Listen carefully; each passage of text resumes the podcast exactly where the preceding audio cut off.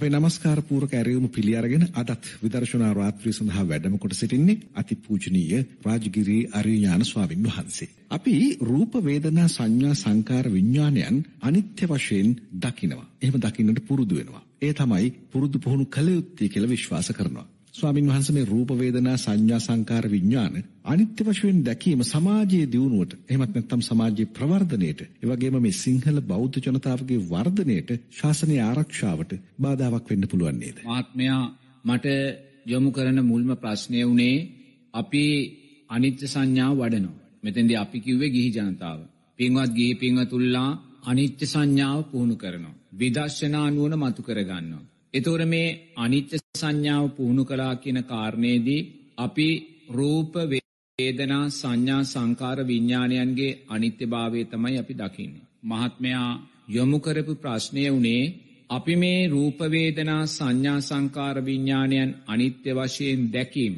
සමාජයේ දියුණුවට එමනැත්තන් සමාජයේ ප්‍රවර්ධනයට එමනැත්තම් මේ සිංහල බෞද්ධ ජනතාවගේ වර්ධනයට ශාසනයේ ආරක්ෂාවට බාධාවක් වෙන්න පුළුවන් නේද කියන කාරණයයි ප්‍රශ්නයක් හැටියට යොමු කළේ. අපිට අනිත්‍ය සංඥා වඩනවා කියන කාරණයේදී අපි තේරුම් ගන්න ඕනේ අපේ අනිත්‍ය සංඥාව. ඒ ඇන රූප වේදනා සංඥා සංකාර විඤ්ඥාන කියන මෙන්න මේ පංචුපාදානස්කන්ධ ධර්මයන් කෙරෙහු අනිත්‍ය දැක්ම හුද කලා අනිත්‍ය සංඥාවක් වීම වැරදි. සමාජය තුළ ඔය ප්‍රශ්න තියෙනවා. මොකක්දේ ප්‍රශ්නය මේ අනිත්‍යයි කියන අර්ථය තුළ සමාජයේ දියුණුවට සමාජයේ සංවර්ධනයට ඒවගේම සිංහල බෞද්ධ ජනතාවගේ ගහනය දුර්වල වෙන්න අද එවැනි ප්‍රශ්නයකුත් සමාජය තුළ තියෙනවා. සිංහල බෞද්ධ ජනතාවගේ ගහනය වේගෙන් දුර්වල වෙනවා. අන්න ආගම් අන්න ජාතිකයන්ගේ ගහනයන් වේගෙන් වර්ධනය වෙනවා. දොර මෙවැනි තත්ත්වයකට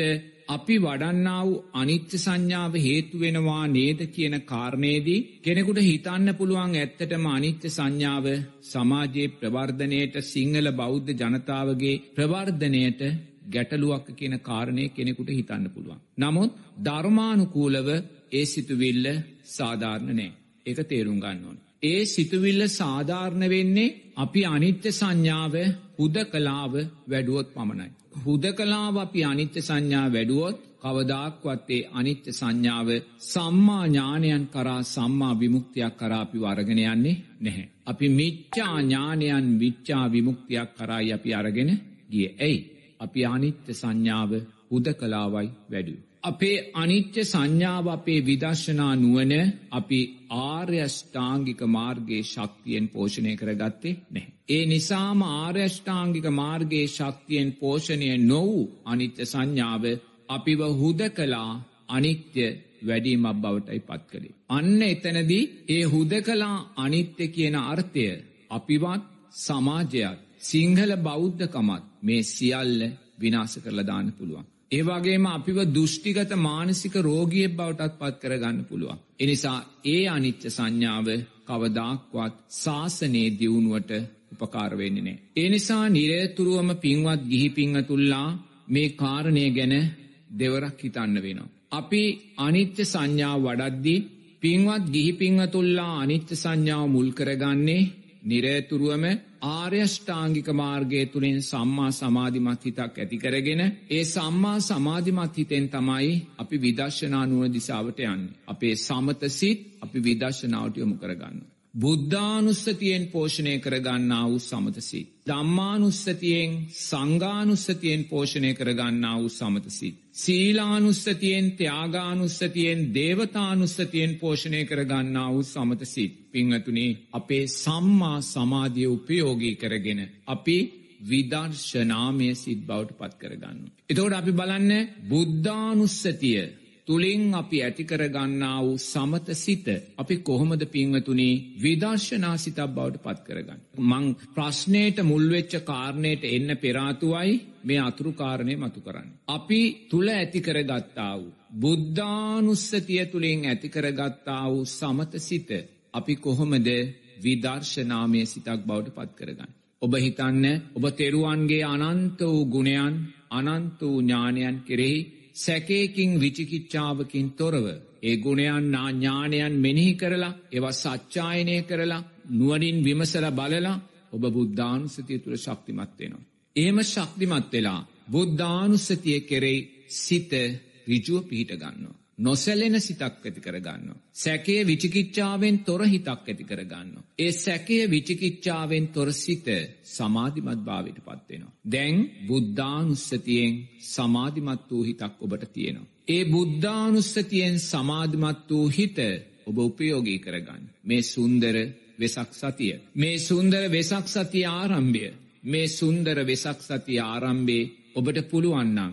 බුද්ධානුස්සතියෙන් ඔබ ඇතිකරගත්ත සමත සිත විදර්ශනාමය සිතක් බවට පත් කරගන්න ඔබ මේ සුන්දර වෙසක් දවසේ අර්ථය සැබවින්ම ජීවිතයට එකතු කරගත්ත දක්ෂය බවට පත්වෙනවා. මේ බුද්ධානුස්සතියේ විදර්ශනාමය අර්ථය තුළින් ඔබට දම්මානුස්සතිය සංගානුස්සතිය සීසතියක් විදර්ශනාව දිසාවට අරංගෑමේ ශක්තිය මතුවෙනවා. එනිසා දැන් ඔබ මේ සුන්දර වෙසක් පුරපසලොස්සක පෝය දවස්සේ අප්‍රමාණ පින්කම්මොලේදිලා උපෝසට සීලයන්ට සම්වැදිලා ඒ වගේම බණභාවනා කරලා පන්සල් ආරන්න තුළ ආර්යෂ්ඨාංගික මාර්ගය ශක්තිමත් කරගෙන බුද්ධානුස්සතියෙන් පිරුණා වූ සිතෙන් ජීවත්වෙන්. ඒ සමත සිත ඔබ මේ සුන්දර රාත්‍රයේදී මේ සිරස ගුවන් විදිලේ ඉදිරියේ වාඩි වෙලා පිංහතුනී විදර්ශනාමය බුද්ධානුසතියක් බවට පත් කරගන්න. පිංහතුන් මේ මොහොතේ ඔය වාඩි වෙලා ඉන්න ආසනේම වාඩි වෙලා දෑස්පියාගෙන මේ විදියට නුවනින් දකින්න.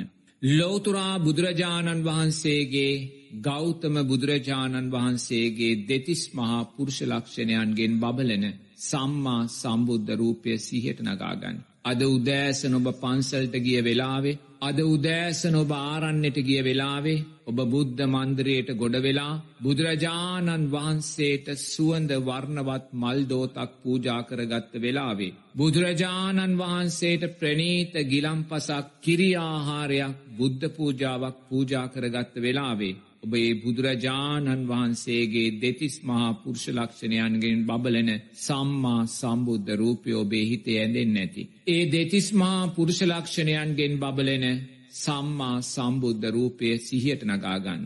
ඒ දෙතිස් මහා පුරුෂ ලක්ෂණයන්ගෙන් බබලන සම්මා සම්බුද්ධ රූපය පිරිනිවන් මංචකේදී පූජනී අලු ගොඩක් පූජනීය ධාතුන් වහන්සේලා ගොඩක් උන හැටිනුවනින් දකින්න. සාරා සංක කල්ප ලක්ෂ ගානක දස පාරමී පුං්ඥ ශක්තිය පිංහතුනේ පිරිනිවන් මංචකේදී පූජනී අලු ගොඩක් පූජනය ධාතුන් වහන්සේලා ගොඩක් වුණ හැටි නුවනින් දකින්න. බුදුරජාණන් වහන්සේගේ අධ්‍යාත්මික සතර මහා ධාතුව පිරිනිවන් මංචකේදී බාහිර සතර මහා ධාතුවක් බවට පත්වන හැටි නුවනින් දකින්න. බුදුරජාණන් වහන්සේගේ අධ්‍යාත්මික පටවිධාතුවත් බාහිර පටවිධාතුවත් එකම ස්භාවේ පටවිධාතුවක් කියල නුවනින් දකින්න. බුදුරජාණන් වහන්සේගේ අධ්‍යාත්මික ආපෝධාතුවත් බාහිරාපෝධාතුවත් එකම ස්භාවේ ආපෝධාතුවක් කියල නුවනින් දකින්න. බුදුරජාණන් වහන්සේගේ අධ්‍යාත්මික තේජෝධාතුවත් බාහිර තේජෝධාතුවත් එකම ස්භාවේ තේජෝධාතුවක් කියල නුවනින් දකින්න. බුදුරජාණන් වහන්සේගේ අධ්‍යාත්මික වායෝධාතුවත් බාහිර වායෝධාතුවත් එකම ස්භාවේ වායෝධාතුවක් කියල නුවනින් දකින්න පිංහතුනේ ඒ ඔබ දකින්නේ බුදුරජාණන් වහන්සේ තුළින් ධර්මයයි. බුදුරජාණන් වහන්සේ තුළින් විදර්ශනාවයි බුදුරජාණන් වහන්සේ තුළින් සංස්කාරයන්ගේ අනිත්‍යභාවයයි. ඔබ දෑස් පියාගෙන අතීතේ වැඩසිටියා වූ ලක්ෂ ගානක් බුදුරජාණන් වහන්සේලාගේ රූපයන් සිහියට නගාගන්න. ඒ අතීතේ වැඩසිටිය ලක්ෂ ගානත් දෙතිස් මහා පුරුෂ ලක්ෂණයන්ගෙන් බබලෙන සම්මා සම්බුද්ධ රූපයන් සිහියට නගාගන්න. ඒ සෑම බුදුරජාණන් වහන්සේ නමකගේම රූපයන් පිරිනිවන් මංචකේදී පූජනී අලු ගොඩක් පූජනීය ධාතුන් වහන්සේලා ගොඩක් වුණ හැටිනුවනින් දකින. ඒ අතීත බුදුරජාණන් වහන්සේලාගේ අධ්‍යාත්මික සතර මහා ධාතුව බාහිර සතර මහා ධාතුවටම මුහුණ හැටිනුවනින් දකින්න. ඊළඟට ඔබ අනාගතයේ පහළ වෙන මෛත්‍රී බුදුරජාණන් වහන්සේගේ දෙතිස් මහා පුරුෂ ලක්ෂණයන්ගෙන් බබලන සම්මා සම්බුද්ධ රූපය සිහියට නගාගන්න. ඒ මෛත්‍රී බුදුරජාණන් වහන්සේ අවුරුදු අසූදාහක් ආයුෂ වලඳලා පිරිනිවන් මංචකේදී මෛත්‍රී බුදුරජාණන් වහන්සේගේ සුන්දර රූපය පිංහතුනේ පූජනී අලු ගොඩක් පූජනීය ධාතුන් වහන්සේලා ගොඩක් වෙන හැටි නුවනින් දකින. බුදුරජාණන් මෛත්‍රයේ බුදුරජාණන් වහන්සේගේ අධ්‍යාත්මික සතර මහා ධාතුව බාහිර සතර මහා ධාතුවට මුහුවෙන හැටි නුවනින් දකින්න පිංහතුනේ මේ ඔබ දකින්නේ සියලු සංස්කාරයන්ගේ අනිත්‍යභාවයයි. ලෝතුරා බුදුරජාණන් වහන්සේ නමැති සාරා සංක කල්ප ලක්ෂ ගානක පාරමී පුං්ඥ ශක්තියක් පිංහතුනේ පිරිනිවන් මංචකේදී පූජනී අලු ගොඩක් පූජනය ධාතුන් වහන්සේලා ගොඩක් බවට පත්වෙනවා. පිංහතුනී මෙවැනි ප්‍රනීත සංස්කාරයනුත් අනිත්‍ය භාවයට පත්වෙලා යනවා. මෙවැනි ප්‍රනීත සංස්කාරයනුත් වෙනස් වෙලා යනවා. මෙවැනි ප්‍රනීත සංස්කාරයනුත් ආස්වාද රහිත භාවයටම පත්වෙනවා කියලා බුදුරජාණන් වහන්සේ දේශනා කරනවා. පිංහතුනේ ඔබ මේ සුන්දර රාත්‍රියේදී ඔබ මේ අත්දකින්නේ අද උදෑසන පටන් මේ මොහොත දක්වා ඔබ බුදුරජාණන් වහන්සේ මුල් කරගෙන ඇතිකරගත්තා වූ සමත සිත්. බුදුරජාණන් වහන්සේට සද්ධාවෙන් සීලෙන් මෛත්‍රියෙන් සතියෙන් සමාධියෙන් ජීවිතේ පූජා කරලා ආමිසයෙන් පූජා කරලා ඔබ ඇති කරගත්තා වූ සුන්දර සමත සිත පිංහතුනේ මේ සුන්දර රාත්‍රියේදී මේ විදර්ශනා රාත්‍රියේදී ඔබ සුන්දර විදර්ශනාමය සිතක් බවටයි පත්කරගත්තේ. මම දැන් නැවතත් මහත්මයා යොමු කරපු ප්‍රශ්නයටයි යොමුවෙන්නේ. මහත්මයා යොමු කළේ ගිහිපින්වතුල්ලා පුහුණු කරන්නා වූ අනිත්‍ය සංඥාව ගිහි පින්වතුල්ලාගේ ආර්ථිකයට ගිහි පිංහතුල්ලාගේ සංවර්ධනයට ගිහි පිංහතුල්ලාගේ පැවැත්මට වර්ධනයට බාධාවක් වෙනවා නේද කියන කාරණය. පිංහතුනේ මම නැවතත් කියනවා අනිත්‍ය සංඥාව හුද කලාව වැඩුවොත් ඔබතුමි අහන ප්‍රශ්නය සාධාරණයි. නමුත් අනිත්‍ය සංඥාව කියන්නේ හුද කලාව වැඩියුතු ධර්මතාවයක් නෙමේ ලෝතුරා බුදුරජාණන් වහන්සේ නමක් පිංහතුනේ සම්මාධිට්්‍යයෙන් පටන් අරගෙන අපිට දස පියවරක් දේශනා කරනවා. පියවර දහයක්. එනිසා අපි විදර්ශනාවට එන්නනං පිංහතුනේ අපි අනිවාර්යෙන්ම පියවර අටක් පරිපූර්ණ කළ තියෙන්න ඕනි. සම්මාධිට්ටි සම්මා සංකප්ප සම්මා වාචා කම්මන්තෝ ආජීවෝ සම්මාවායාමෝ සම්මා සති සම්මා සමාධි. විදර්ශනාවළඟට එන්නනං මේ අට පියවර අපි නිවැරදිව පියවරෙන් පියවර අප ඉදිරියට එන්න ඕන. මේ අට පියවරෙන් තොර විදර්ශනාවක් මේ ලෝකධාත්වේ නෑ සම්මා විදර්ශනාවක් මේ ලෝකධාත්වේ නෑ. නමුත් මේ අට පියවරට එන්නත් අපිට තව කාරණා තුනක් මුල් වෙන්න ඕනේ. ඒ කල්්‍යාන මිත්‍රාශ්‍රය සද්ධර්මසවනය නුවනින් මෙනෙහි කිරීම. මේ උතුම් අර්ථයන් තුළින් අපි මේ අට පියවර තබලා අපි සම්මා සමාධයක් ඇති කරගෙන. ඉනුත් එහාට තව පියවර දෙකක් තියෙනවා. ඒ පියවර දෙක තමයි සම්මා ඥාන සම්මා විමුක්තිය. එනම් පිංහතුනේ අපි සම්මා දිට්ටියෙන් පටන් අරං මේ දස පියවර තුළෙනුයි අපි අපේ විමුක්තිය කරා ගමන්ගන්න. අපි අපේ විදර්ශනා නුවන කරා අපි ඉදිරියට යන්. එනිසා විදර්ශනාව අනිත්‍ය සංඥාව අපි හුද කලාව වැඩුවොත්. ඒ කියන මේ අට පියවර ගැන හිතන් නැතුව. අපි එක පියවරෙන් විදර්ශනාවට යන්න ගියොත් අපි අපේ ගිහි ජීවිතයක් අපේ ආර්ථිකයක් අපේ මානසික තත්ත්වයක් මේ සියල්ලම අපි විනාස කරගත්ත කෙනෙක් බවට පත්වෙනවා. ඒ නිසා නිරතුරුව දක්ෂවෙන්න මේ උතුම් ධර්මය අපි දේශනා කරන්නේ පින්වත් ගිහි පින්වතුල්ලාටයි. ඒ නිසා පින්වත් ගිහි පින්වතුල්ලා දක්ෂවෙන්න. අද අප්‍රමාණ විදර්ශනාමය ධර්මයන් ඇහෙනවා. සාමීන් වහන්සේලා අප්‍රමාණ පිරිසක් සමතය ඉක්මෝල ඉස්සරාට කියලා විදර්ශනාව ගැන දේශනා කරනවා චතුරාර් සැත්ත ගැන දේශනා කරනවා සම්මා ඥාන විමුක්තිීන් ගැන දේශනා කරනවා එනිසා අනිත්‍ය සංඥාව වේගෙන් සමාජගත වෙනවා ඒ අනිත්‍ය සංඥාව වේගෙන් සමාජගත වෙන සමාජයක පිංහතුනේ අපි අනිත්‍ය සංඥාව ගැන පරිස්සම් වෙන්න ඕනේ මොකද අපිට ඇහෙනවා සමහර අනිත්‍ය සංඥා විග්‍රහ කිරීමේදී සම්මාධිත්‍යය විග්‍රහ වෙන්නේ නැහැ. සම්මා සංකප්ප විග්‍රහ වෙන්නේ නැහැ. සීලය විග්‍රහ වෙන්නේ නැහැ. සම්මා සතියක් විග්‍රහ වෙන්නේ නැති අවස්ථා තියෙනවා. එනිසා අපි නිරතුරුවම අනිත්‍ය සංඥාව අපේ මේ අට පියවරෙන් පෝෂණය වුණා වූ අනිත්‍ය සංඥාවක් කරගන්න ඕන. මේ අට පියවරෙන් අපේ අනිත්‍ය සංඥාව අපි පෝෂණය කළේ ගත්තේ නැත්නම් විශේෂයෙන් ගිහි පිංහතුල්ලා පිංහතුනේ තමන් වඩන මේ මිච්චා අනිත්‍ය සංඥාව තුළ බලවත් කායික මානසික වගේම ආර්ථික සහ සමාජීය ප්‍රශ්නයන් සමාජය තුළ උද්ගත වෙන්න පුළුවන්.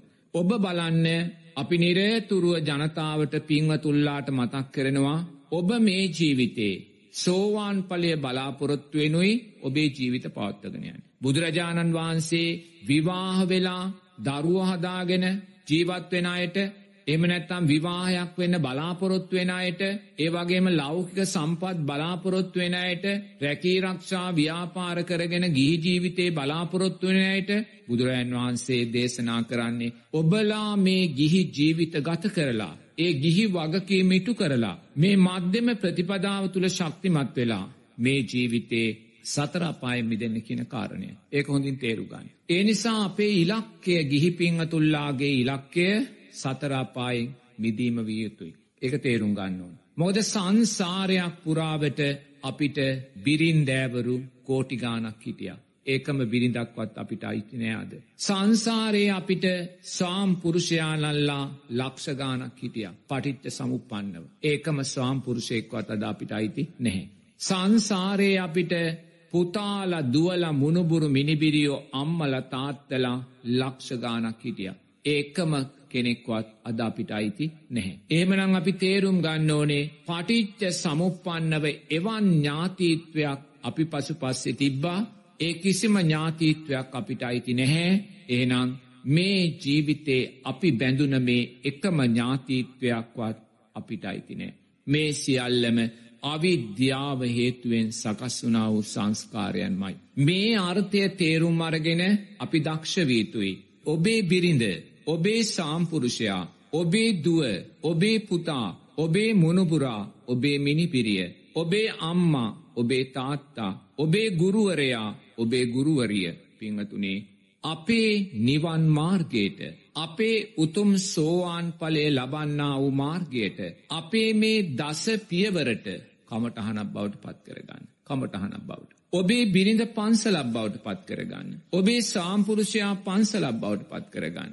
ඔබේ දරුවා මොනබුරා මිනිබිරී පන්සලක් බවට පත් කරගන්න. ඇයි අපේ පින ශක්තිමත් කරගන්න. අපේ කුසලේ ශක්තිමත් කරගන්න. අපේ සමත සිත ශක්තිමත් කරගන්න. ඒ සමත සිත තුළින් විදර්ශනා සිත ශක්තිමත් කරගන්න. එමනං මේ සමාජ ඥාතීත්වය තුළ අපි පින ශක්තිමත් කරගන්න නම්. අපි කුසලය ශක්තිමත් කරගන්න නම්. අපි නිරේතුරුවම දක්ෂවීතුයි. අපෙන් සමාජයට වියයුතු යුතුකම්පක්ෂය අකුරට ඉටු කරන්න. සම්මාධිට්්‍යයට අදාළව සම්මා සංකප්පයන්ට අදාළව බිනිදට වෙන්න තියෙන යුතුකම් පක්ෂයක් තියෙනවා. මහත්‍යයාට වෙන්න තියෙන යුතුකම් පක්ෂයක් තියෙනවා. දෙමාපියන්ගෙන් දරුවන්ට වෙන්න තියෙන යුතුකම් පක්ෂයක් තියෙනවා. දරුවන්ගෙන් දෙමාපියන්ට වෙන්න තියෙන යුතුකම් පක්ෂයක් තියෙනවා. සමාජයෙන් සමාජයට වෙන්න යුතුකම් පක්ෂයක් තියෙනවා. පිකතුන මේ යුතුකම් පක්ෂය ලෞකික ප්‍රඥාවෙන් පනවනවා. ඒ යුතුකම් පක්ෂදි බුදුරජාන් වහන්සේ සම්මා දිට්ටියේදි දේශනා කරනවා. දරුවන් විසින් තමන්ගේ දෙමාපියන් මහා බ්‍රහ්මයින් හැටියට දකින්න ඕනි කියලා. යුතුකම ප්‍රක්ෂයක් තියෙනවා. ඒ වගේමයි දෙමාපියන් විසින් තමන්ගේ දරුවන් අනාගත මහා බ්‍රහ්මයින් බවට පත් කළ යුතුයි කියලා. එන මේ යුතුකම් පක්ෂයෙන් බැහැර වෙලා අපිට ජීවත්වෙන්න බැහැ. මේ යුතුකම් පක්ෂයේ බැහැර කරලා අපේ දසපියවර පරිපූර්ණ කරගන්න බැහැ. ඒ නිසා මේ බැඳීම් අවිද්‍යාව හේතුවෙන් සකස් වූ සංස්කාර වුණත් මේ බැඳීම් අනිත්‍ය වූ බැඳීම් වුණත් අතීතයේ තිබුණ සෑම ඥාතීත්වයක්ම අනිත්‍ය වූ ධර්මතාවයන් වුණත් බුදුරජාණන් වහන්සේ අපිට පවරලතිනවා. අවිද්‍යාව හේතුවෙන් සකස් වනා වූ මේ සංස්කාර උපයෝගී කරගෙන. මේ ආර්යෂ්ඨාංගික මාර්ගය මේ අට පියවර ශක්තිමත් කරගෙන ඔබ දක්ෂ වෙන්න ඕනේ. අම්මා කියන අර්ථය උපයෝගී කරගෙන අම්මා කියන අර්ථයෙන් මිදන්න. තාත්තා කියන අර්ථය උපයෝගී කරගෙන තාත්තා කියන අර්ථයෙන් මිදන්න. ඔබ දක්ෂවේතුයි බිරිඳ සාම්පුරුෂයා කියන අර්ථය උපයෝගී කරගෙන බිරිඳ සාම්පුරුෂයා කියන අර්ථයෙන් මිදන්න. ඔබ දක්ෂවේතුයි දුව පුතා මොනුබුරා මිනිබිරී කියන අර්ථය උපයෝගී කරගෙන මේ දරුවා කියන අර්ථයෙන් මිදන්න. මේ අර්ථයන්ගෙන් මිදෙන එකම නිවැරදි මාර්ගය තමයි උතුම් ආරෙෂ්ඨාංගික මාර්ග. එනිසා ඔබ දක්ෂ වෙන්න මේ ගිහි ජීවිතය තුළ මේ ගිහි බන්ධනයන් තුළ මේ ගිහි ලෞකික සැපයන් තුළ පිංහතුනී තමන්ගේ ලෞකික සැපයන් ලබනවා වගේම ඔබ ඒ බැඳීම් උපයෝගී කරගෙන ඥාතීත්වයන් උපයෝගී කරගෙන ඒ ඥාතීත්වයන්ගෙන් මිදීමේ දිසාවටයන්. එනගේ මිදීමේ දිසාවට යද්දී අපිට වගකීම් පැහැරහැරලා ඒ දිසාවට යන්න බෑ. අම්මා තාත්තාට ගරු නොකරේ දිසාවට යන්න බෑ. අම්මා තාත්තාට උපස්ථානය නොකරේ දිසාවට යන්න බෑ. මගේ දරුවාමං අනාගතයේ මහා බ්‍රක්්මෙක් කරනවා කියන අදහස බැහැර කරලා. මගේ දරුවාට වෙන දෙයක් වෙද්දෙන් කියන තැනයිදං ඔබට කවදක්වත් විදශනාවට යන්න බෑ. මුකද ඔබ යුතුකම් පක්ෂය පැහැරහැරලයි තියෙන. ඒ නිසා ඔබ දක්ෂවීතු යුතුකම් පක්ෂය අකුරට ඉටු කරන්න.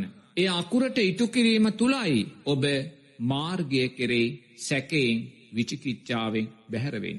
තෙරුවන් කරේ සැකයෙන් විචිකිච්චාවෙන් බැහැරවෙන්නේ. ඔබට මාර්ගය කෙරෙයි සැකයක් විචිකිච්චාවක් තියෙනවනං ඒ සැකය විචිකිච්චාව කවදක්වත් ඔබව සම්මා සමාධියකට අරංයන්නේ නැහැ. එනිසා සමාජ වගකීම් ඉටු කරමින්. සමාජ යුතුකම් ඉටු කරමින්. බිරිඳට දුවාදරුවාට අම්මතාත්තාට ඥාතියාට හිතවතාට රටට ජාතියට ශාසනයට තමන්ගේ යුතුකම් ඉටු කරමින්.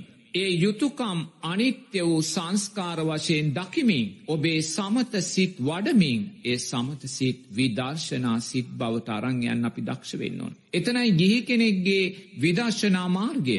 එහෙම නැතුව ගිහි කෙනෙක්ගේ විදර්ශනා මාර්ගය කියන්නේ අම්මා තාත්තා අමතක කරලා බිරිඳට වෙන්න තියෙන යුතුකම් අමතක කරලා සාම්පුරුෂයාට වෙන්න තියෙන යුතුකම් අමතක කරලා අනේ දරුව අනිත්‍යයි කියලා දරුවන්ට වෙන්න තියෙන යුතුකම් අමතක කරලා දරුවෝ අයාලේ යන්න හැරලා අපි විදර්ශනා වැඩීම ඒ විදර්ශනාව මිච්ඡා විදර්ශනාවක්. මේ අට පියවරෙන් පෝෂණය නොවනා වූ මිච්ඡා විදර්ශනාවක්. එනිසා ඔබ සම්මා විදර්ශනාවට යන්න ඕනේ ඔබ සම්මා විදර්ශනාවට යන්න නම් සම්මා දිට්ටියේ පටන් සම්මා සමාධිය දක්වා මේ අට පියවර ඔබ කල්්‍යාන මිත්‍රාශ්‍රයට අදාළව.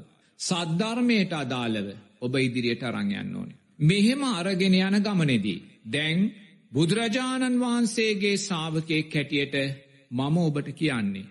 විසාකාව පූර්වාදර්ශයට ගන්න. අනේ පිට සිටතුමා පූර්වාදර්ශයට ගන්න. අතීතේ ජීවත් වනා වූ ගිහි මේ අධිගම ලාබීන් පූර්වාදර්ශයට ගන්න. ඇත්තට ඔබ විසාකාව පූර්වාදර්ශයට ගත්තද.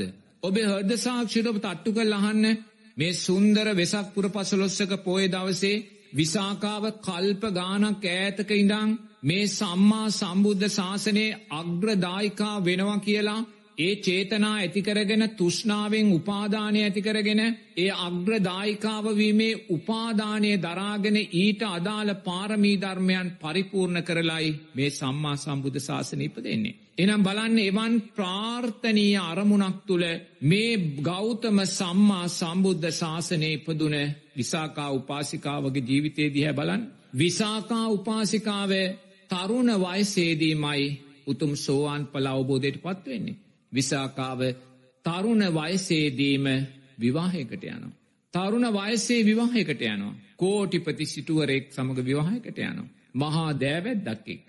ඒ කෝටිපති සිටුවරයත් එක විවාහයට ගිහිල්ලා මේ සෝවාන් පලට පත්වෙච්ච විසාකාව.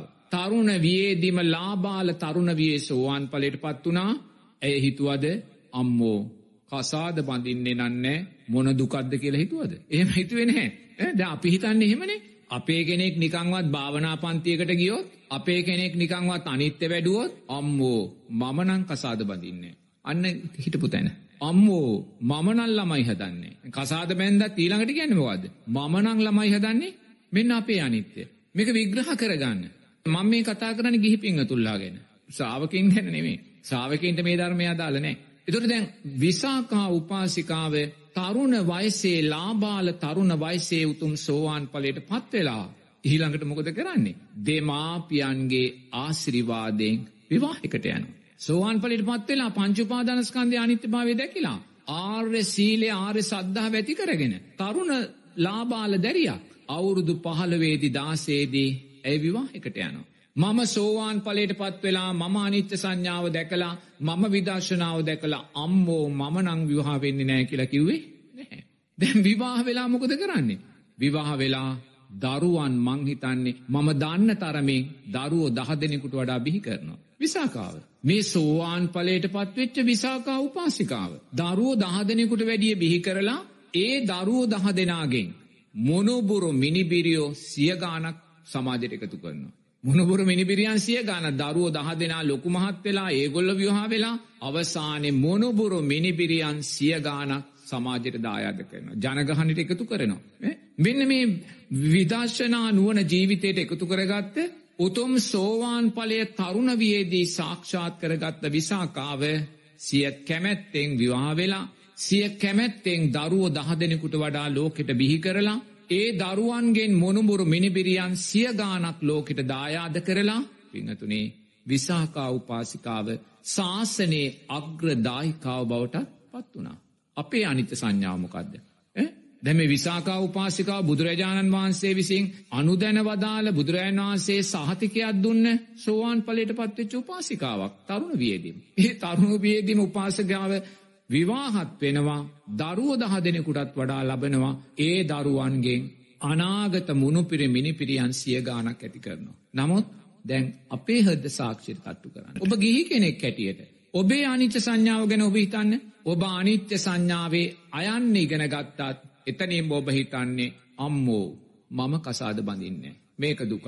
මම දරුව හදන්නේ සමහරවෙලකින අපි කසාද බඳිනවාසාමිනාස දරුවනං හදන්නේ. මේ දුකනං අපිට විඳින්න බෑ. දරුවයි අපිට අයිතිනෑ සංසාරහිටයකම දරුවක් දැම බනහල ඒකුල්ලොත් ඒ ගල්පගෙන කියනවා. නමුත් ඒ ගැලපීම විදර්ශනාමය ධර්මාන්කුල ගැලපීමක් නෙමේ ඒකුළන්ගේ ජීවිතේට. එන්න. හොද බුදුරජාණන් වහන්සේ දරුව හදන්න එපාගිල පැවරුවෙනෑ ගිහි පිංහතුල්ලාට. බුදුරජාණන් වහන්සේ ගිහි පිංවතුල්ලාට පනවෙන ධර්මතාවයක් තින යුතුකමක්. මොකක්ද යුතුකම. ඔබ තරුණෙක් නං ඔබ තරුණයක් නං ඔබ විවාහ වෙච්ච යුවලක් නං බුදුරජාණන් වහන්සේ ඔබට පනවෙනවා. ඔබේ එක යුතුකමක් තමයි මොකක්ද. ඔබේ දෙමාපියන්ගේ පරපුර ඔබ ඉදිරියට අරංයන්න ඕනේ. අන්න බුදුරජාණන් වහන්සේගේ අනිත්‍ය. අන බුදුරජාණන් වහන්සේගේ විදර්ශනාව. අන්න බුදුරජාණන් වහන්සේගේ විමුක්තිය. බුදුරජාණන් වහන්සේ විමුක්තිය සාක්ෂාත් කලා කියලා බුදුරජාණන් වහන්සේ රාහුල කුමාරයාටත් ගිහි ජීවිතයෙන් අරගෙන රාහුල කුමාරයා පැවිදි කලා දායාදිල්ලංආපු රාහුල කුමාරයට දායාද දෙන්න කියනෑ ලෞකික දායාද ඔබට දෙන්න තියෙන එකම දායාදය පැවිදි ජීවිතයයි කියලා රාහුල කුමාරයාව ගිහි ජීවිතෙන් අරං අරම් පැවිදි කළා. රාහුල කුමාරය. එහෙව් බුදුරජාණන් වහන්සේ ලෝකෙට පනවනවා. විනයක් මොකක්දේ යුතුකමක්. සෑම දරුවෙක්ගෙම දුවෙක්ගෙම පුතෙක්ගෙම යුතුකමක් තියෙන මොකක්දේ යුතුකම. තමන්ගේ දෙමාපියන්ගේ පරපුර ඉදිරියට අරංගෑම. ඉදිරියට අරංයන කොහොමද තමන් විවාහ වෙලා දරුව බිහි කරන්න ඕනේ තමන්ගේ පරපුර ඉදිරියට අරං යන්න අන්න බුදුරජාණන් වහන්සේගේ විදර්ශනාව. අන්න සම්මා ඥානයන්ගෙන් පෝෂණය වූ විදර්ශනාව. අන්න සම්මා සමාධියෙන් පෝෂණය වූ විදර්ශනාව. අන්න ලෞකික ප්‍රඥාවෙන් පෝෂණය වූ විදර්ශනාව. නමුත් අපේ විදර්ශනාමොකක්ද. අපි භාවනා පන්තියකට දවසක් ගියොත් අපි කමටහනක් ලැබුවොත් පිංහතුනේ අපි මොකක්ද කරන්නේ. අම්බෝ කසාද බඳින්නේ නන්නේ.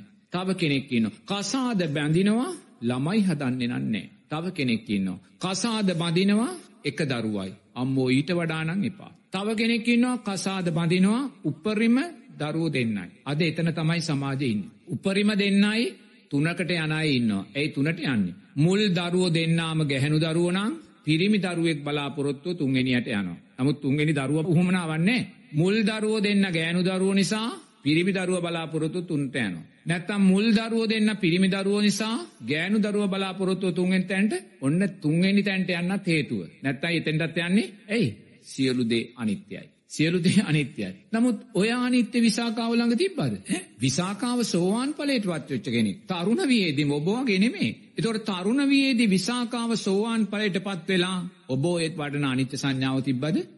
ඈ? එහෙනම් මොකද්ද මේ ප්‍රශ්නේ? එහෙනම් ඔබේ අනිත්‍ය සංඥාවත් මම ලබන්නේ එක දරුවයි. මම ලබන්නේ දරුවෝ දෙන්න ඊට වඩා නෑ. මම කසාද බඳින්නේ නැහැ. මම කසාද බැන්දත් දරුවෝ හදන්නේ නැහැ. එහෙනම් ඔබ ඔය වඩන අනිත්‍ය සංඥාවත් විසාකාවගේ අනිත්‍ය සංඥාවත් පරතරයක් තියෙනවද නැද්ද? ඔබේ හෘද සාක්ෂියට ඔබ තට්ටු කරලා අහන්න. ඔබේ හෘද සාක්ෂියට තට්ටු කරලා අහන්න විසාකාවේදා ගත්තා වූ තීරණය වැරදිද කියලා. දරුවෝ දහ දෙනෙකුට වඩා හදලා. ඒ දරුවන්ගෙන් මොනුපුරු මිනිපිරියන් සියගානකට වඩා හදලා. එයා සමාජය දරුවන්ගෙන් පෝෂණය කළා. සමාජයේ බෞද්ධ ගහනයා වැඩි කළා. මොකක් දෙයක් කළේ පිංහතුනි ශාසනය උපයෝගී කරගෙන. මුදින් තේරුම් ගන්න මේ ධර්මය නිවැරදිව තේරුම් ගන්න මෙවා වැරදි විදිහට තේරුම් ගත්තොත් අපිත් ධර්මය අහිමි කරගෙන අපි ශාසනයක් ලෝකයෙන් වේගෙන් අහිමි කළ දාන. හොඳට තේරුම් ගන්න. අපි ධර්මය අහිමි කරගෙන මොක ධර්මය අහිමි කරගන්න අපේ අනිත්‍යයන් දෘෂ්ටිකට අනිත්‍යයක්. අපේ අනිත්‍ය විසාකාවගේ අනිත්‍ය නෙමේ. අපේ දෘෂ්ටිගත අනිත්‍යයක් තියෙන්නේ. හොඳින් තේරුම් ගන්න බුදුරජාණන් වහන්සේගේ අනිත්‍ය ගිහිපින්වතුල්ලා වඩන්න යන්න එපා. රාහුල කුමාරයාට අනේ ගිහි ජීවිතේ නම් එපා ඔබට අදාළ පැවිද්දයි කියලා රාහුල කුමාරයෙක්කන් ආවේ රාහුල කුමාරයාගේ සංස්කාරයන්ට අදාළව. තේන ඒ බුද්ධ විෂයට ඔබ ඇඟිලි ගහන්න යන්න එපා. ඒ බුද්ධ විෂයෙන් ඔබ තීන්දුව తీරන ගන්න යන්න ඒක බුද්ධ විෂයක්. ඒ බුද්ධ විෂය රාහුල කුමාරයාට එහෙම කිව්වත් ඒ බුද්ධ විෂය විසාකාවට කිව්වේ නෑ. ඔබ කසාද බඳින්න එපා කියලා. ඔබ දැන් සෝවාන් ඵලයට පත්වෙච්ච තරුණයක් කසාද බඳින්න එපා කියලා බුදුරජාණන් වහන්සේ කිව්වේ නෑ විසාකාවට. බුදුරජාණන් වහන්සේ කිව්වේ නෑ විසාකාවට දරුවෝ දෙන්නෙක්ගෙන් නවතින්න කියලා. බුදුරජාණන් වහන්සේ කිව්වේ නෑ විසාකාවට මොනුපුරු මිනිපිරියන් සිය ගාණක් හදන්න එපා කියලා. ඒ බුද්ධ විෂය. එතකොට මේ බුද්ධ විෂය අපේ විෂයක් බවට පත් කරගන්න එපා. ඔබ බුදුරජාණන් වහන්සේ කරපු දේ ඔබ කරන්න යන්න එපා. ඔබ සාරිපුත්ත මහරහතන් වහන්සේ කරපු දේ ගිහි ඔබ කරන්න යන්න එපා. යසෝදරා උත්තමාවිය කරපු දේ ගිහි ඔබ කරන්න යන්න එපා. එනිසා ඔබේ ධර්මයන් ගිහි ජීවිතයට අදාළවයි ඔබ සැලසුම් කරගන්න ඕන. එනිසා විසාකාව එදා සෝවාන් ඵලයට පත්වෙච්ච තරුණයක් හැටියට විවාහ ජීවිතයට පත් වෙලා දරුමුණුබුරන් සිය දෙනෙක් වඩා ලබලා පිංහතුනේ විසාකාව මොකද කළේ මේ සම්මා සම්බුද්ධ ශාසනය උපයෝගී කරගෙන මේ ආර්යෂ්ඨාංගික මාර්ගය උපයෝගී කරගෙන තමා උතුම් සෝවාන් ඵලයක් සාක්ෂාත් කරලා ශාසන දායාදයන් ලබලා ඒ වගේම ශාසනයේ ආරක්ෂා උදෙසා ශාසනයේ හෙට දවස උදෙසා සංඝ සමාජයේ පැවැත්ම උදෙසා පිංහතුනේ සමාජයට සාමාජිකයෙන් සිය ගානක් දායාද කළා. අන්න සැබෑ විදර්ශනාව ගිහි කෙන. අන්න සම්මාධිට්‍යයෙන් පෝෂණය වුණාව විදර්ශනාව. හොඳින් තේරුම් ගන්න. අපි අද මොකද කරන්නේ. අපි විදර්ශනාව කියලා ජීවිතයට එකතු කරගෙන පිංහතුනී විදර්ශනාවේ අන්තයක් තුළ දෘෂ්ටියක් තුළ පිහිර වෙලා තියෙන. අපේ විදර්ශනාව ගැන අපි හිතනවා ශාසනයේ හෙට ගැන ගැවස් අපි හිතන්නේ නැහැ. අද පැවිදි කරන්න දරුවෙක් නැහැ. බලෙන් දරුව ගෙනල්ල පැවිදි කරන්නේ. පිරිවෙන පවත්වගෙන යන්න පන්සල පවත්වගෙන යන්න බලෙන් දරුව ගෙනල්ල පැවිදි කරනවා. මං මේ ඊය පෙරේද දවසක වාහනේ යනකොට පාරයයින වාහනයක් නතර කරලා ඒ වාහනෙන් බැහැපු ස්වාමීන් වහන්සේ කෙනෙක් ඉන්නවා. හොඳ මැදිවියේ ලස්සන තුවාමින් වහන්සේ කෙනෙක්. මේ ස්වාමීන් වහන්සේ ළඟ කාන්තාව දෙන්නෙකුත් ඉන්නවා. ඒ වාහනයාපු පිරිස මොකකට හරි තේ බොන්න හරි විවේකයට පාරයයින බැහැලා. මේ ස්වාමින් වහන්සේ ස්කීවරයකුත් දරාගෙන මේ අවුරුදු හතරක් වගේ වයසක පොඩි සාමනයර කෙනෙක් වඩාගෙනන්න. ඒ සාමනයට අවුරුදු පහක් නන්නේ. මේ පුංචි දරුවෙක් පැවිදි කරලා. මේ පුංචි දරුවා මේ තාත්ත කෙනෙක් පුතෙක් වඩාගෙන ඉන්නවා වගේ මෙහෙම වඩාගෙන මහපාරයයි නැර කාන්තාව දෙන්නත් එක පානෙලඟ ඉන්නවා. තේන ඇයි මේ දරුව බලෙන් පැවිදි කරනවා. දෙන්න. පන්සල පිටටයයි කියලා පන්සල් දේපල පිටතයයි කියලා මේ දරුව බලෙන් පැවිදි කරන මොකද කැමැත්තෙන් පැවිදි වෙන්න පිරිස් අද සමාජය තුළ නැහැ. ඇයි ජනගානය වේගෙන් අඩුවෙනවා. සිංහල බෞද්ධ ජනගානය වේගෙන් අඩුවෙනවා ඇයි. සිංහල බෞද්ධයා එක දරුවගෙන් සීමා වෙලා. ඇයි අනිත්‍යයි. ඔය අනිත්‍ය විසාකාවලඟ තිබෙනේ. සෝවාන් පලට පත්වන විසාකාවලං ඔය අනිත්‍ය තිබෙනෑ. නමුත් ඔබ ඔය අනිත්‍ය තුළ එක දරුවට සීමා වුණත් ඔය අනිත්තෙන් ඔබව සෝවාන් පලට පත් වෙලත් නෑ දරුවොත් සමාජයට නෑ එක තේරුම් ගන්න. සමාජයට පිරිවරත් නෑ ඔබ සෝවාන් පලට පත් වෙලත් නෑ එක තේරුම් ගන්න. නමුත් විසාකා උපාසිකාව තමන් සෝවාන් පලට පත් වෙලා දරුමුණු බොරුවුණු සියගානක් සමාජයට දීලා ශාසනයේ ඒ පැත්තෙන් ශක්තිමත් කළා. සංඝ සමාජයට පිරිවර ලබල දුන්නා. ඒ නිසා අපි මේ බෞද්ධ ජනතාව මේ වඩන්නා වූ මිච්චා අනිත්‍ය නිසා අනිත්‍යේ අර්ථයක් ජීවිතයට එකතු කරගන්නේ නෑ අනිත්‍යේත් ආස්වාදය තුලා ඉන්නේ අනිත්‍ය අර්ථය තුළ ආරෂ්ඨාංගික මාර්ගයේ ශක්තිමත් නෑ ඒ බෞද්ධ ජනතාව හෙට ශාසනයට වෙන්න මොකක්ද කියලා හිතන්නේ නැහැ. ශාසනයට වෙන්න මොකක්ද කියලා හිතන්නේ දැම්මම් බුදුරජාණන් වහන්සේගේ ශ්‍රාවකයෙක්. මං මේ ධර්මයෙන් ගන්න තියෙන සියලුම ශක්තිය ජීවිතයට ගන්නවා. මන් ධර්මයේ ආරක්ෂාව ජීවිතයට ගන්නවා. ධර්මයේ ශක්තිය ජීවිතයට ගන්නවා. ධර්මයේ ශක්තිය ජීවිතයට අරගෙන මගේ විමුක්තිය විතරක් නෙමේ මං බලන්නේ. මං ශාසනයේ හෙට දවසත් බලනවා. මං ශාසනයේ හෙට දවසත් බල්ල නිසයි ඔබ ඉදිරියේ මේ මොහොතේ පිංහතුනේ මේ ධර්මයත් ඔබට දේශනා කරන්න. ඇත මට අවශ්‍ය නෑ ඇත දුරබැහැරක දම් මෙතෙන්ට ඇවිල් ඔබට මේ ධර්මය කියල යන්න. මට අවශ්‍ය නෑ පෑගනම් බණ කියන්න. එතකොට එහෙනම් බුදුරජාණන් වහන්සේගේ ශ්‍රාවකයෝ හැටියට. අපි අපේ විදර්ශනාමය අර්ථයන් අපේ විමුක්තිය සාක්ෂාත් කරනවා වගේ අපිට යුතුකමක් තියෙනවා. භික්‍ෂූන් හැටියට. මේ ශාසනය හෙට දවසට ආරක්ෂා කරන්න. බුදුරජාණන් වහන්සේ ජයශ්‍රී මහා බෝධි මූලෙදියවතුම් සම්මා සම්බුද්ධ රාජ්‍ය අවබෝධ කරපු වෙලාවේ. වසවර්ති මාරයා එනවා. ඇවිල්ල කියනවා භාග්‍යවතුන් වහන්ස දැන් ඔබේ කටයුතු හරි. ඔබ හය අවුරුද්දක් මේ අප්‍රමාණ කැපවීම් කළේ හුදුවෙන්නනේ දැන් ඔබ බුදුනා. හරි දැන් ඔබේ අරමුණ ඉවරයි මෙතැනදිම පිරිනිවන් පාන්. මෙතනදිම පිරිනිවන් පාන්. මින් ඉස්රහට යන්න බෑ. ඔබ බුදුවීම උදෙසයි මේ දේ කළේ දැන් ඔබමයි කියන්නේ සියලු සංස්කාරයෝ අනිත්‍යයි කියලා. ඔබ අවබෝධ කළේ සියලු සංස්කාරයෝ අනිත්‍යයි කියලා. එනිසා දැන් ඔබ පිරිනිවන් පාන්න. මෙන මාරයා පළවෙනි පාඩම බුදුරජන් වහන්සේට කියල දෙනවා. සම්මා සම්බුද්ධ රාජ්‍ය අවබෝධ කරලා බුදුරජාණන් වහන්සේට මුල්ම පාඩම කියල දෙන්නාවේ මාරයා. මොකක්ද පාඩම. බුදුරජාණන් වහන්සේ ඔබ අවබෝධ කලා සංස්කාරයන් අනිත්‍යයි කියලා දැම් මේ බුද්ධත්වය අවබෝධ කලා මේ අනිත්‍ය වූ ධර්මයක් දැම්ම පිරිනිවන් පාන්න. බුදුරජාණන්සේ මොකක්ද කියන්නේ. සංස්කාරයන් අනිත්‍යයි කියලා ලෝකෙට සිංහනාදකරපු බුදුරජාන් වහන්සේ කිනවා මාරය මම පිරිනිවන් පාන්නෑ ඔබ කියන පලියට. මං මේ ධර්මය ලෝකයාට දේශනා කරලා මේ සංග සමාජය ගොඩනගනතුරු මේ සංග සමාජය සම්මා ඥානයන්ගෙන් සම්මා විමුක්තීන්ගෙන් සාක්ෂාත් වෙනතුරු මේ සංග සමාජය මේ ධර්මය ලෝකය තුළ පතුරෝනතුරු මාරය මම් පිරිනිවන් පාන්නේ. අන්න බුදුරජාණන් වහන්සේගේ අනිත්‍ය. ද අපි බලාපොරොත්ව අනිත්‍යය බුදුරජන් වහන්සේගේ අනිත්‍ය අතර වෙනස බලන්නකෝ එන අපි හිතන විදිහට නෑ මම කසාද බඳින්නේ කසාදය දුකක්. නෑ මම දරුව හදන්නේ දරුව දුකක්. නෑ මම එක දරුවගෙන් සීමා වෙනවා දෙක දුකක්. මම් දෙකෙන් සීමා වෙනවා තුනට යන්නේ නෑ පිංහතුනේ එහෙම වනානං බුදුරජාණන් වහන්සේටත් තිබ්බා හරි මම බුද්ධත්වයට පත් වනා මාරයා මට කියන පිරිනිවන් පාන්න කියලා මම් පිරිනිවන් පානවා කියලා එනම් ඔය අපිත් වඩන මිත්‍යයා අනිත්‍ය බුදුරජාණන් වහන්සේටත් ගන්න තිබ්බා. නෑ බුදුරජාණන් වහන්සේගේ අනිත්‍ය සම්මානිත්‍යයක්. දස පියවරෙන් පෝෂණය වුණා වූ අනිත්‍යයක්. එනිසා නිරතුරුවම බුදුරජාණන් වහන්සේ කරපුදේ ආර්යන් වහන්සේලා කරපුදේ ගිහිපිංහතුල්ලා කරන්න එපා. බුදුරජාණන් වහන්සේගේ ශ්‍රාවකින් හැටියට අපි වෙහෙස නොබලා මේ උතුම් චතුරාර් සත්‍ය ඔබලාට දෙනවා. තිෙන්න. ඔබලා ඒ චතුරාර් සත්‍යය උපයෝගී කරගෙන ලෞකික සැපය ලෝකෝත්තර සැපය ජීවිතයට එකතු කරගන්න. ඒ ලෞකික සැපය ලෝකෝත්තර සැපය ජීවිතයට එකතු කරගනිද්දී ඔබ දක්ෂවිය යුතුයි විසාකාවක් වෙන්න. ලෞකික සැපේ ලෝකෝත්තර සැපේ ජීවිතයට එකතු කරගන්නවා වගේම ඔබ විදර්ශනානුවන ජීවිතයට එකතු කරගෙන. ඔබ උතුම් සෝවාන් පලය සාක්ෂාත් කරගෙන.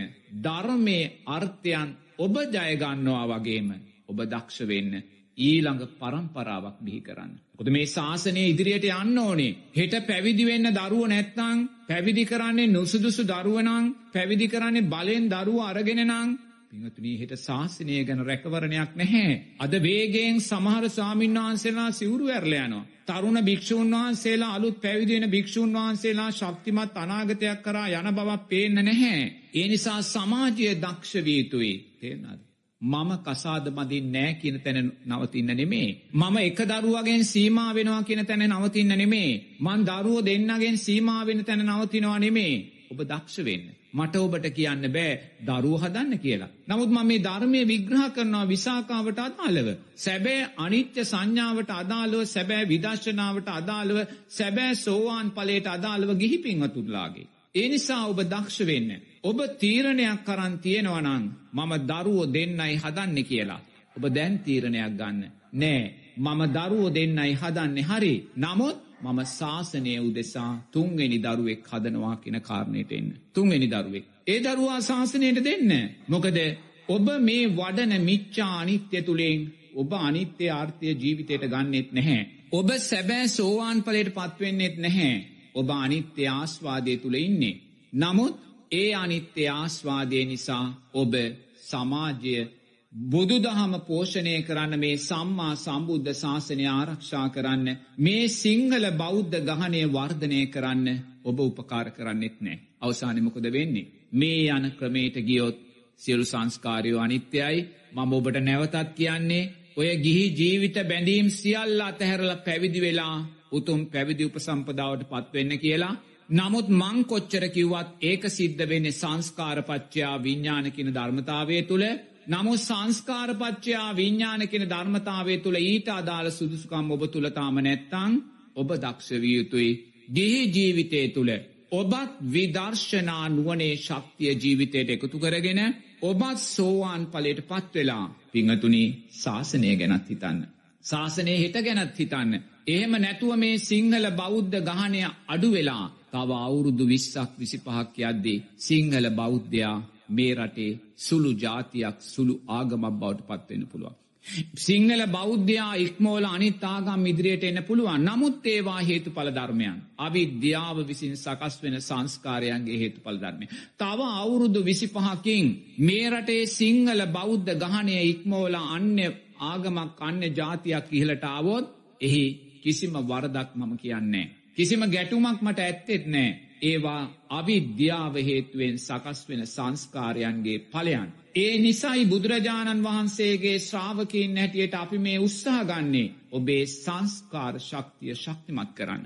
ඔබේ සංස්කාර පිනෙන් කුසලයෙන් පෝෂණය කරන්න. ඔබේ සංස්කාරයෝ සම්මා දිට්ටියෙන් සම්මා සංකප්පයෙන් පෝෂණය කරන්න. ඔබේ සංස්කාරයෝ සීලයෙන් පෝෂණය කරන්න. ඔබේ සංස්කාරයන් සීලයෙන් පෝෂණය කරලා පිංහතුනේ පිනට අදාළ ධර්මයට අදාළ දැනීම් තුළින් ඔබේ අනාගතය ශක්තිමත් කලදෙන්. ඒ අනාගතය ශක්තිමත් කිරීමේදී ඔබ ලබන්නා උතුම් සෝවාන් පලය වගේම ඒ උතුම් සෝවාන් පලය සැබෑ සෝවාන් පලයක් නං ආර්යෂ්ඨාංගික මාර්ගය පෝෂණය වූ සෝවාන් පලයක් නං පිංහතුනී ඔබ ඉන්න ඕනේ විසාකාව කියන තැන. එතනදි මම කියන්න ඔබට දරුව දහ දෙනෙකුට වැඩිය හදන්න කියන කාරණය මොකද අනේ පිරිසිතුතුමා දරුව හතර දෙනා හිටියේ නමුත් ඒ දරුව හදද්දි අනේ පිරිසිතුමා සෝවාන් වෙලා හිටියේ නෑ. උග්‍ර ගෘහපතිතුමා අනාගාමී පලට පත්වෙජ්ජි බිරින් දෑවරු පස් දෙනෙක් ගෙදර හිටිය නීතියානකුල බිරින් දෑවරු පස් දෙනෙක් ගෙදර හිටිය අනාගාමී පලට පත්වෙන වෙලාව. එනිසා නිරේ තුරුවම ඔබ දක්ෂ වෙන්න. ඔබ අනිත්‍ය සංඥාව ජීවිතයට එකතු කරගන්නවා වගේම.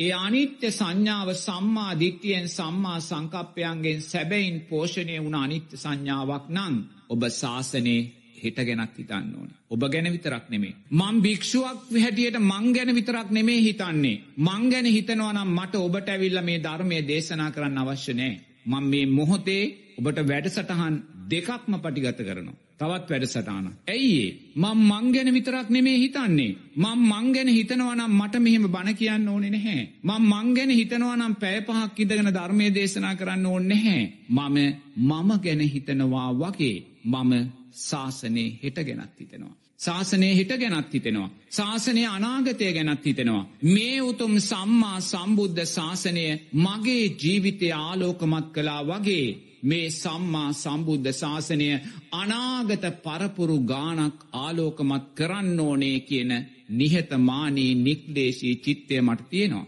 එනිසා ඔබ තරුණෙක් තරුණයක් හැටියට අම්ම කෙනෙක් තාත්ත කෙනෙක් හැටියට ඔබ විදර්ශනානුවන ලබලා ඔබ සෝවාන් පලයට සැබවින්ම ඔබ පත්වනා නං ඔබ ඔබ ගැන විතරක් හිතන කෙනෙක් නෙමේ ඔබ හෙම්ප තේරුම්ගන්න. ඔබ උතුම් සෝවාන් පලය නැමැති මේ උත්තරීතර ධර්මය ජීවිතයට එකතු කරගත්තේ. මේ භයානක සතර අපායෙන් මිදිලා පිංහතුනී මේ සුන්දර ආර්ය මාර්ගයට පත්වනේ මේ සම්මා සම්බුද්ධ ශාසනය නිසාමයි.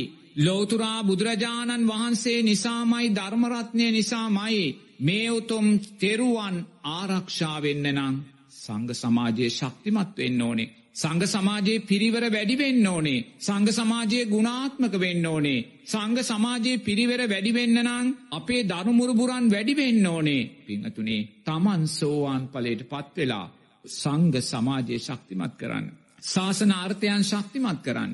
ඒ ශාසන ආර්ථයන් නීළඟ පරම්පරාවට අරං යන්න අදාළ පසුබිම සකස් කරන්න. විසාකාව තරුණ වයේ සෝවාන් පලට පත්වෙලා පිංහතුනේ ඒ සුන්දර පූර්වා දර්ශය ගිහි පිංහතුල්ලාට කියල දුන්න. නමුත් මන් නැවතත් කියනවා මං ඔබට කියන්නේ දරුවෝ දහ දෙනෙකුට යන්න කියලා. මං ඔබට කියන්නේ දරුව පස් දෙනෙකුට යන්න කියලා. මං ඔබට කියන්නේ ඔබ එක දරුවෙක් නං හදන්න බලාපොරොත්තු කරුණා කරලා මම දෙවැනි දරුවෙකුටත් යනවා ඒ දරුවා ශාසනය උදෙසා. ඔබ දරුව දෙන්නෙක් නං හදන්න බලාපොරොත්තුව මං කියනවා ඔබ තුන්වෙනි දරුවෙකුට යන්න ශාසනය උදෙසා තුන්වෙනි දරුවා. ඒ තුන්වෙනි දරුවා නිසා ඒ දෙවැනි දරුවා නිසා ඔබට අමතර දුකක් වෙනවා කින මංකාරණය දන්න. ඒ දරුවෙක් උදෙසා ඔබට අමතර මහා දුකක් විඳින්න වෙනවා කින කාරණය මම දන්නවා. නමුත් ඒ දුක ශාසනය උදෙසා විසාකා වින්ඩ. විසාකාවට ඕන්න අන්තිබ්බ එක දරුවගෙන් සැනසෙන්න දරුව දෙන්නගෙන් සැනසෙන්න. නමුත් දරුවෝ දෙන්නගෙන් සැනසෙන් නැතුව තව වැඩිපුර දරුව අට දෙනෙක්ගේ දුක විසාකාව ගත්තේ අනාගත ශාසනයේ පැවැත්ම උදෙසා. අනාගත සංග සමාජයේ පිරිවර වැඩිවීම උදෙසා එනිසා මේ සුන්දර වෙසක් පුරපසලොස්සක පෝය දවසේ මං බුදුරජාණන් වහන්සේගේ ශ්‍රාවකය කැටියට ඔබට දුක උපදන කතාවක් නම් නෙමේ කිව්වේ. මං ඔබට කිව්වේ දරුවෙක් කියන්නේ දුකක් ඉපදීම කියන්නේ දුකක්. නමුත් ඔබ ගිහි ජීවිතය තුළයි ගත කරන්නේ. එනිසා ඔබ දක්ෂ වෙන්න ඕනේ. නිරතුරුවම ඔබේ විදර්ශනානුවන ගැන හිතනවා වගේම ඔබේ සෝවාන් පලය ගැන හිතනවා වගේම අනාගත සම්මා සම්බුද්ධ ශාසනයේ ශක්තිය චිරස්තිය ආරක්ෂාව සංග සමාජයේ පිරිවර ගුණාත්මක භාවය වැඩිකිරීම උදෙසා ඔබට යම් දුකක් විඳලා ඒ දේ කරන්න පුළුවන්නම් ඒ විදින දුක මේ ලෝකධාත්තුවේ ඔබ විදින උත්තරීතර දුකක් බවට පත්වෙනවායි කියන කාරණය මෙස්සිතිං මතක් කරනවා. පිංහතුන් අප්‍රමාණ සතුරට පත්වෙන්න මේ මොහොතේ බෝම සුන්දර රාත්‍රියක් අපේ ජීවිතය උදාවුන සුන්දර රාත්‍රියක් එනිසා කල්පනා කරන්න මේ සුන්දර වෙසක් පුර පසොලොස්සක පෝය දවස්සේ විදර්ශනා රාත්‍රිය සවනය කිරීමෙන් රැස් කරගත්තා වූ. සියලූම විදර්ශනාමය කුසල් ධර්මයන්. මුලින්ම ඒ උත්තරීතර මහානායක ස්වාමීන් වහන්සේලා ඇතුළු සියලූම වන්දනය මහා සංගරත්නයට මේ පින් නිදුක් නීරෝගේ සුවපත්භාවය දීර්ඝායිෂ උතුම් චතුරාර් සද්ධර්මයෝ දැකීම අවබෝධයට මේ පින් උත්තම ශක්තියක් වේවා. ඒ වගේම කල්්‍යාන මිත්‍රභාවෙන් මේ උතුම් ධර්මය ශ්‍රවණය කලා වූ අප්‍රමාණ පිංවතුල්ලාටත් මේ පින් නිදුක් නීරෝගී සුවපත්භාවය දීර්ඝාශ උතුම් චතුරාර් සද්ධර්මයෝ දැකීම අවබෝධයට මේ පින් උත්තම ශක්තියක් වේවා. ඒ වගේම කල්්‍යාන මිත්‍රභාවයෙන් අපට උපකාරක ධර්මයන් සකස් කොරදුන් පින්වත් සාරධ මහත්මයාටත් ඒ සිරස ප්‍රධානී සජිත්‍රත්නායක මහත්මයා ඇතුළු කාර්යමණ්ඩලේ සියලෝම පිංවතුල්ලාටත් මේ පින් නිදුක් නීරෝගේ සුවපත්භාවය දීර්ඝාශ උතුම් චතුරාර් සද්ධර්මයෝ දැකීමට මේ පින් උත්තම ශක්තියක් වේවා සියලෝම පිංහතුල්ලාට නිදුක් නීරෝගේ සුවපත්භාවය දීර්ඝාච සැර සේවා කියලා මෙස්සිතිං ආශ්‍රිවාද කරනවා තෙරුවන් සරණයි.